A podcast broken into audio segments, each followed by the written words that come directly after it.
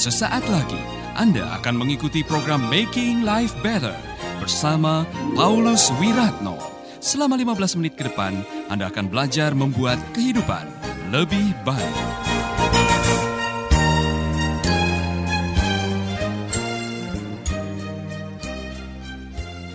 Bagi yang jomblo-jomblo, kalau saudara mau memilih orang menjadi pasangan hidup saudara, tes dulu hatinya. Jangan lihat dari penampilan luarnya, saudara. Casingnya itu bisa dirubah-rubah, ya kan? Tapi Intel Insight-nya ini, kalau komputer itu, prosesornya itu, nggak bisa ditipu, ya kan?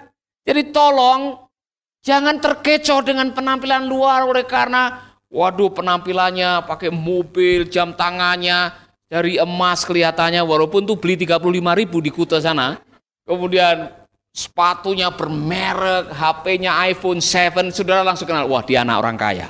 Sebaiknya saya memikirkan untuk bisa mendapatkan dia. Saudara tidak tahu bahwa itu semua ngutang.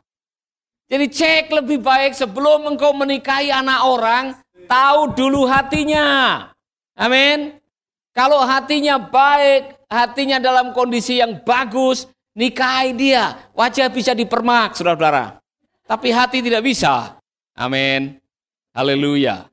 Eh, benar kan wajah bisa dipermak, ya kan? Dagunya yang pendek bisa dipanjangin, ya kan? Tapi hati tidak bisa. Prosesnya lebih lama, ya kan?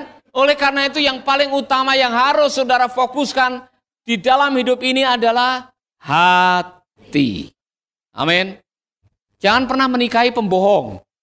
Saya mau kasih tahu saudara, kalau calonmu suka bohong sana sini, ya kan? Dulu pernah ada masuk di televisi ini artis yang suka bohong ini anaknya ini kekayaannya sekian ternyata setelah ketahuan dia bukan siapa-siapa kemudian diputusin oleh pacarnya. Suka bohong. Makanya kalau pacaran belak-belakan jangan nutup-nutupi. Nah biasanya anda yang sedang pacaran ini anda ingin tampil yang terbaik di depan pacar anda sehingga kita pura-pura seolah-olah kita yang terhebat. Kita tutupi semua kelemahan padahal kita pura-pura setelah kawin baru saudara tahu ternyata aslinya tidak seperti yang saudara lihat waktu pacaran. Kaget. Jadilah seperti siapa saudara, jaga hati saudara. Amin. Aduh Pak sudah terlanjur, syukur. Ya kan? Dipermak sekarang bawa di kaki Tuhan masih bisa diperbaiki. Amin. Nah perkataanmu, pikiranmu, perasaanmu, kelakuanmu, semua bersumber dari hati. Maka kalau hatimu tidak dijaga dengan baik-baik bahaya sekali. Saudara-saudara, ibarat makanan. Kalau yang masuk di perut saudara dan melalui mulut saudara tidak dijaga dengan baik-baik, bisa-bisa Anda keracunan. Ya kan? Sama dengan hati. Makanya Rasul Paulus katakan semua yang mulia, semua yang sedap didengar, semua yang murni, semua yang bijak, semua yang benar, pikirkanlah itu karena input saudara menentukan output saudara. Saya mau katakan lagi, input saudara menentukan output saudara. Kalau Anda makanannya adalah RW dengan cabai satu kilo yang keluar pasti itu. Input saudara, output saudara. Anda makan jengkol, outputnya bau jengkol. Iya kan? Jadi input saudara harus difilter.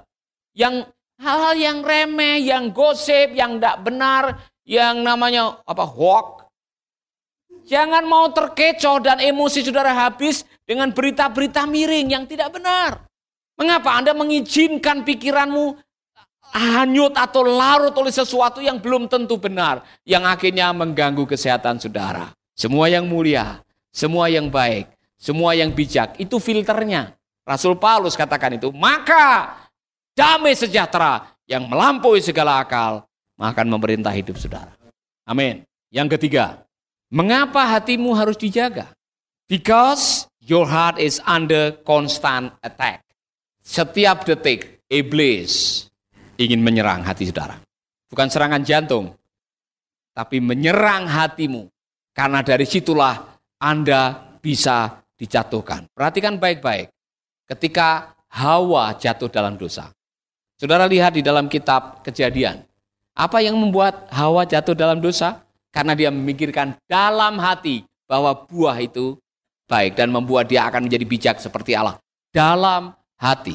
Kejatuhan pertama itu terjadi oleh karena hatimu tidak dilindungi dan hatimu terkecoh oleh mata sehingga akhirnya membuat keputusan yang salah yang bisa menghancurkan hidup saudara. Itulah sebabnya kembali ke ayat yang tadi. Kalau saudara kembali ke ayat yang tadi, perhatikan baik-baik. Ayat yang ke-23 tadi.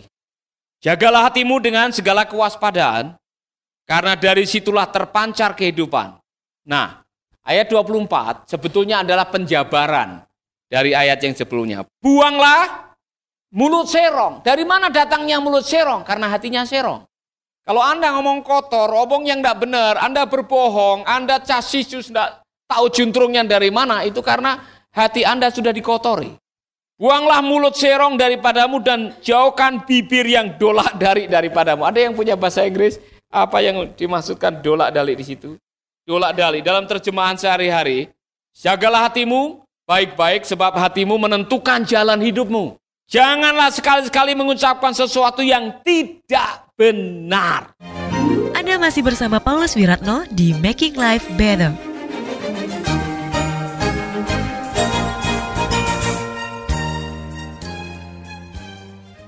Janganlah sekali-sekali mengatakan sesuatu yang tidak benar.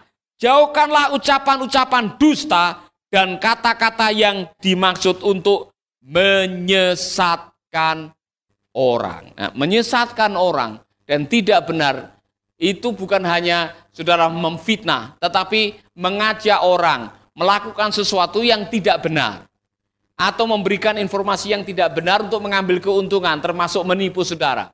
Saudara-saudara waspada. Kalau ada orang yang datang kepada saudara mengatakan, "Hei, kalau kamu bisa kasih saya 500 juta, saya gandakan uangmu menjadi 10 juta." Cukup bawa daun, Bawa ke tempat saya, kemudian kamu tutup pintu, kita berdoa. Daun itu akan berubah untuk jadi uang. Itu perkataan menyesatkan. Oh, enggak apa-apa. Kamu tinggal sama saya, tinggal satu rumah. Ya kan? Nanti kalau kita cocok, enggak apa-apa, kita coba dulu lah. Kamu akan jadi istri saya. Kalau kita, tapi kita coba dulu. Ya kan? Hei, di dunia ini kita kalau mau membeli apa-apa harus kita coba dulu. Anda pernah beli sandal? Saudara coba dulu kan sandalnya. Kalau cocok baru dipakai, enggak cocok ditukar. Anda pernah beli pakaian? Anda harus coba dulu di ruang coba, ya kan? Kalau cocok dibeli, tidak cocok ditukar. Sama. Sebelum menikah kita harus saling mencoba. Kelihatannya benar, logikanya masuk akal, tapi menyesatkan. Bahkan menurut survei, orang-orang yang melakukan hubungan seks sebelum nikah cenderung bercerainya lebih banyak. Waspadalah. Oh tapi tidak apa-apa Pak, tetangga kanan juga begitu, sebelah kiri juga kumpul kebo, yang belakang malah anaknya sudah sembilan. Anda menggunakan logika untuk membenarkan sesuatu yang salah. Waspadalah karena semua itu dimulai dari hati. Amin. Jaga hati saudara.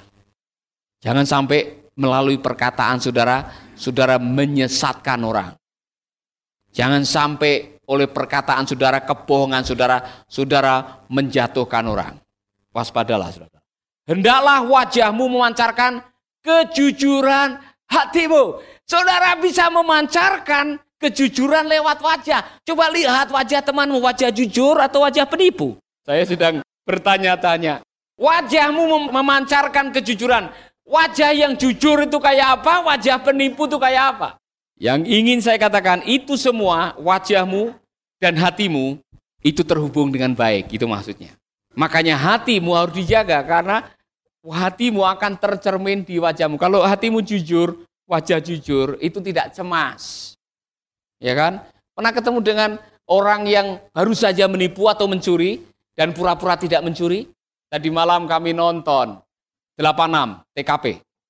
Itu orang-orang yang tertangkap bawa narkoba waktu diinterogasi. Ya kan? Mereka oh enggak tahu pak. Tadi malam ada wanita yang bilang, enggak tahu. Polisi yang bilang, bohong kamu. Ya kan? Baru akhirnya cara interogasinya yang bagus. Akhirnya ngaku. Saudara-saudara, lie detection Polisi punya lie detection, yaitu alat untuk mendeteksi kebohongan. Sebetulnya kalau kita dekat dengan Tuhan, tidak perlu lie detection. Dari wajah sudah ketahuan. Ini wajah bohong, ya kan? Wajah penipu, wajah parlente. Kita bisa tahu wajah parlente. Hati-hati. Hendaklah wajahmu memancarkan kejujuran hatimu, tak perlu engkau berlaku seolah-olah ada udang di balik batu. Kalau udang di balik tepung enak digoreng. Udang di balik batu itu penipu, pura-pura. Saudara-saudara, menipu, berpura-pura, bersandiwara itu beban. Makanya orang yang pura-pura tidak tahu, pura-pura tidak bersalah, pura-pura tidak melakukan, dia tidak akan bisa tidur nyenyak. Kalau tidak percaya buktikan. Anda gelisah ke kanan, ke kiri, deg-degan, takut kalau ketahuan, lama-lama stres, dan akhirnya Anda mati oleh karena menanggung beban rasa bersalah. Satu bohong untuk menutupi perlu sembilan bohong. Jadi kalau saudara bohong hari ini dengan saya, besok saudara siap-siap sembilan bohong untuk menutupi kebohongan yang hari ini. Kalau besok bohong lagi sembilan kali, maka hari ketiga Anda harus cari 81 kebohongan untuk menutupi sembilan bohong saudara. Orang bohong yang terus berbohong matinya karena beban rasa bersalah dan kebohongan. Saudara-saudara, pikirkanlah baik-baik sebelum berbuat, maka engkau akan berhasil dalam segala usahamu. Jauhilah yang jahat dan hiduplah dengan jujur, janganlah sekali-kali menyimpang dari jalan yang benar. Anakku, dengarkanlah aku. Perhatikanlah kebijaksanaanku dan pengertian yang kuajarkan kepadamu. Tujuannya apa? Menjaga hati supaya kita bisa hidup bahagia. Karena apa? Hati yang gembira adalah obat. Kan ada ayatnya itu. Saudara masih ingat? Hati yang gembira adalah obat ada di mana? Amsal 15 ayat 13. Hati yang gembira membuat muka berseri-seri, tetapi kebedian hati mematahkan semangat. Hati yang gembira membuat wajah berseri-seri. Ada ayat lagi. Amsal yang ke-14 ayat 30. Hati yang tenang menyegarkan tubuh. Saya mengalami kalau hatinya tidak tenang, kalau kita ada khawatir, tubuhnya ikut kena dampaknya. Kalau hatinya gelisah, kalau hati lagi kacau, kalau kita lagi galau, tubuh kita kena getahnya. Itulah sebabnya hati yang tenang menyegarkan tubuh, tetapi iri hati membusukkan tulang. Kalau tulangmu busuk, bagaimana gue bisa jalan? Oleh karena itu, saudara-saudara, mari kita akhiri dengan Amsal 27 ayat 19. Seperti air memancarkan wajah, demikian hati manusia mencerminkan manusia itu. Seperti air memancarkan wajah, pernah berdiri di pinggir sungai yang tenang atau danau, kemudian saudara jongkok melihat ada pancaran, ada uh, seperti cermin. Saudara bisa lihat wajah saudara di situ. Seperti air memancarkan wajah, demikianlah hati manusia memancarkan siapakah manusia itu. Jaga hati. Amin. Dan orang yang paling bertanggung jawab untuk menjaga hati Anda adalah Anda sendiri, bukan orang lain. Jangan salahkan iblis, jangan salahkan jin, jangan salahkan setan. Kalau engkau akhirnya menjadi orang yang paling sengsara di dunia ini karena engkau tidak menjaga hati. HP engkau jaga, rumah engkau pagari, kemudian komputer kasih safety guard, apa saja yang kau lindungi, tapi kalau engkau tidak melindungi hatimu, engkau tidak bisa menikmati hidupmu. Tuhan memberkati saudara. Mari kita berdoa. Tuhan kami mengucap syukur untuk hari ini. Ajari kami untuk menjadi orang yang selalu menjaga hati. Menjaga hati. Kalau hari ini, hari-hari ini kami mengotori hati kami dengan pikiran yang tidak benar. Khawatir, rasa takut, iri hati, panas hati, apa pun juga yang kami izinkan selama ini yang membuat kami takut dan melakukan yang tidak benar. Ampuni kami, sucikan hati kami, dan jaga hati kami dengan kebenaran firman yang bisa menjadi pelindung hati kami. Tuhan, biarlah melalui hati kami terpancar kehidupan yang luar biasa melalui perkataan, perbuatan, pikiran kami bisa menjadi berkat buat orang-orang yang di sekitar kehidupan kami. Bahkan bisa menjadi penyambung keajaiban, saluran keselamatan, mujizat dan kesembuhan melalui kehidupan kami. Pakai kami semua Bapa, di dalam nama Yesus kami berdoa. Amin. Tuhan memberkati saudara.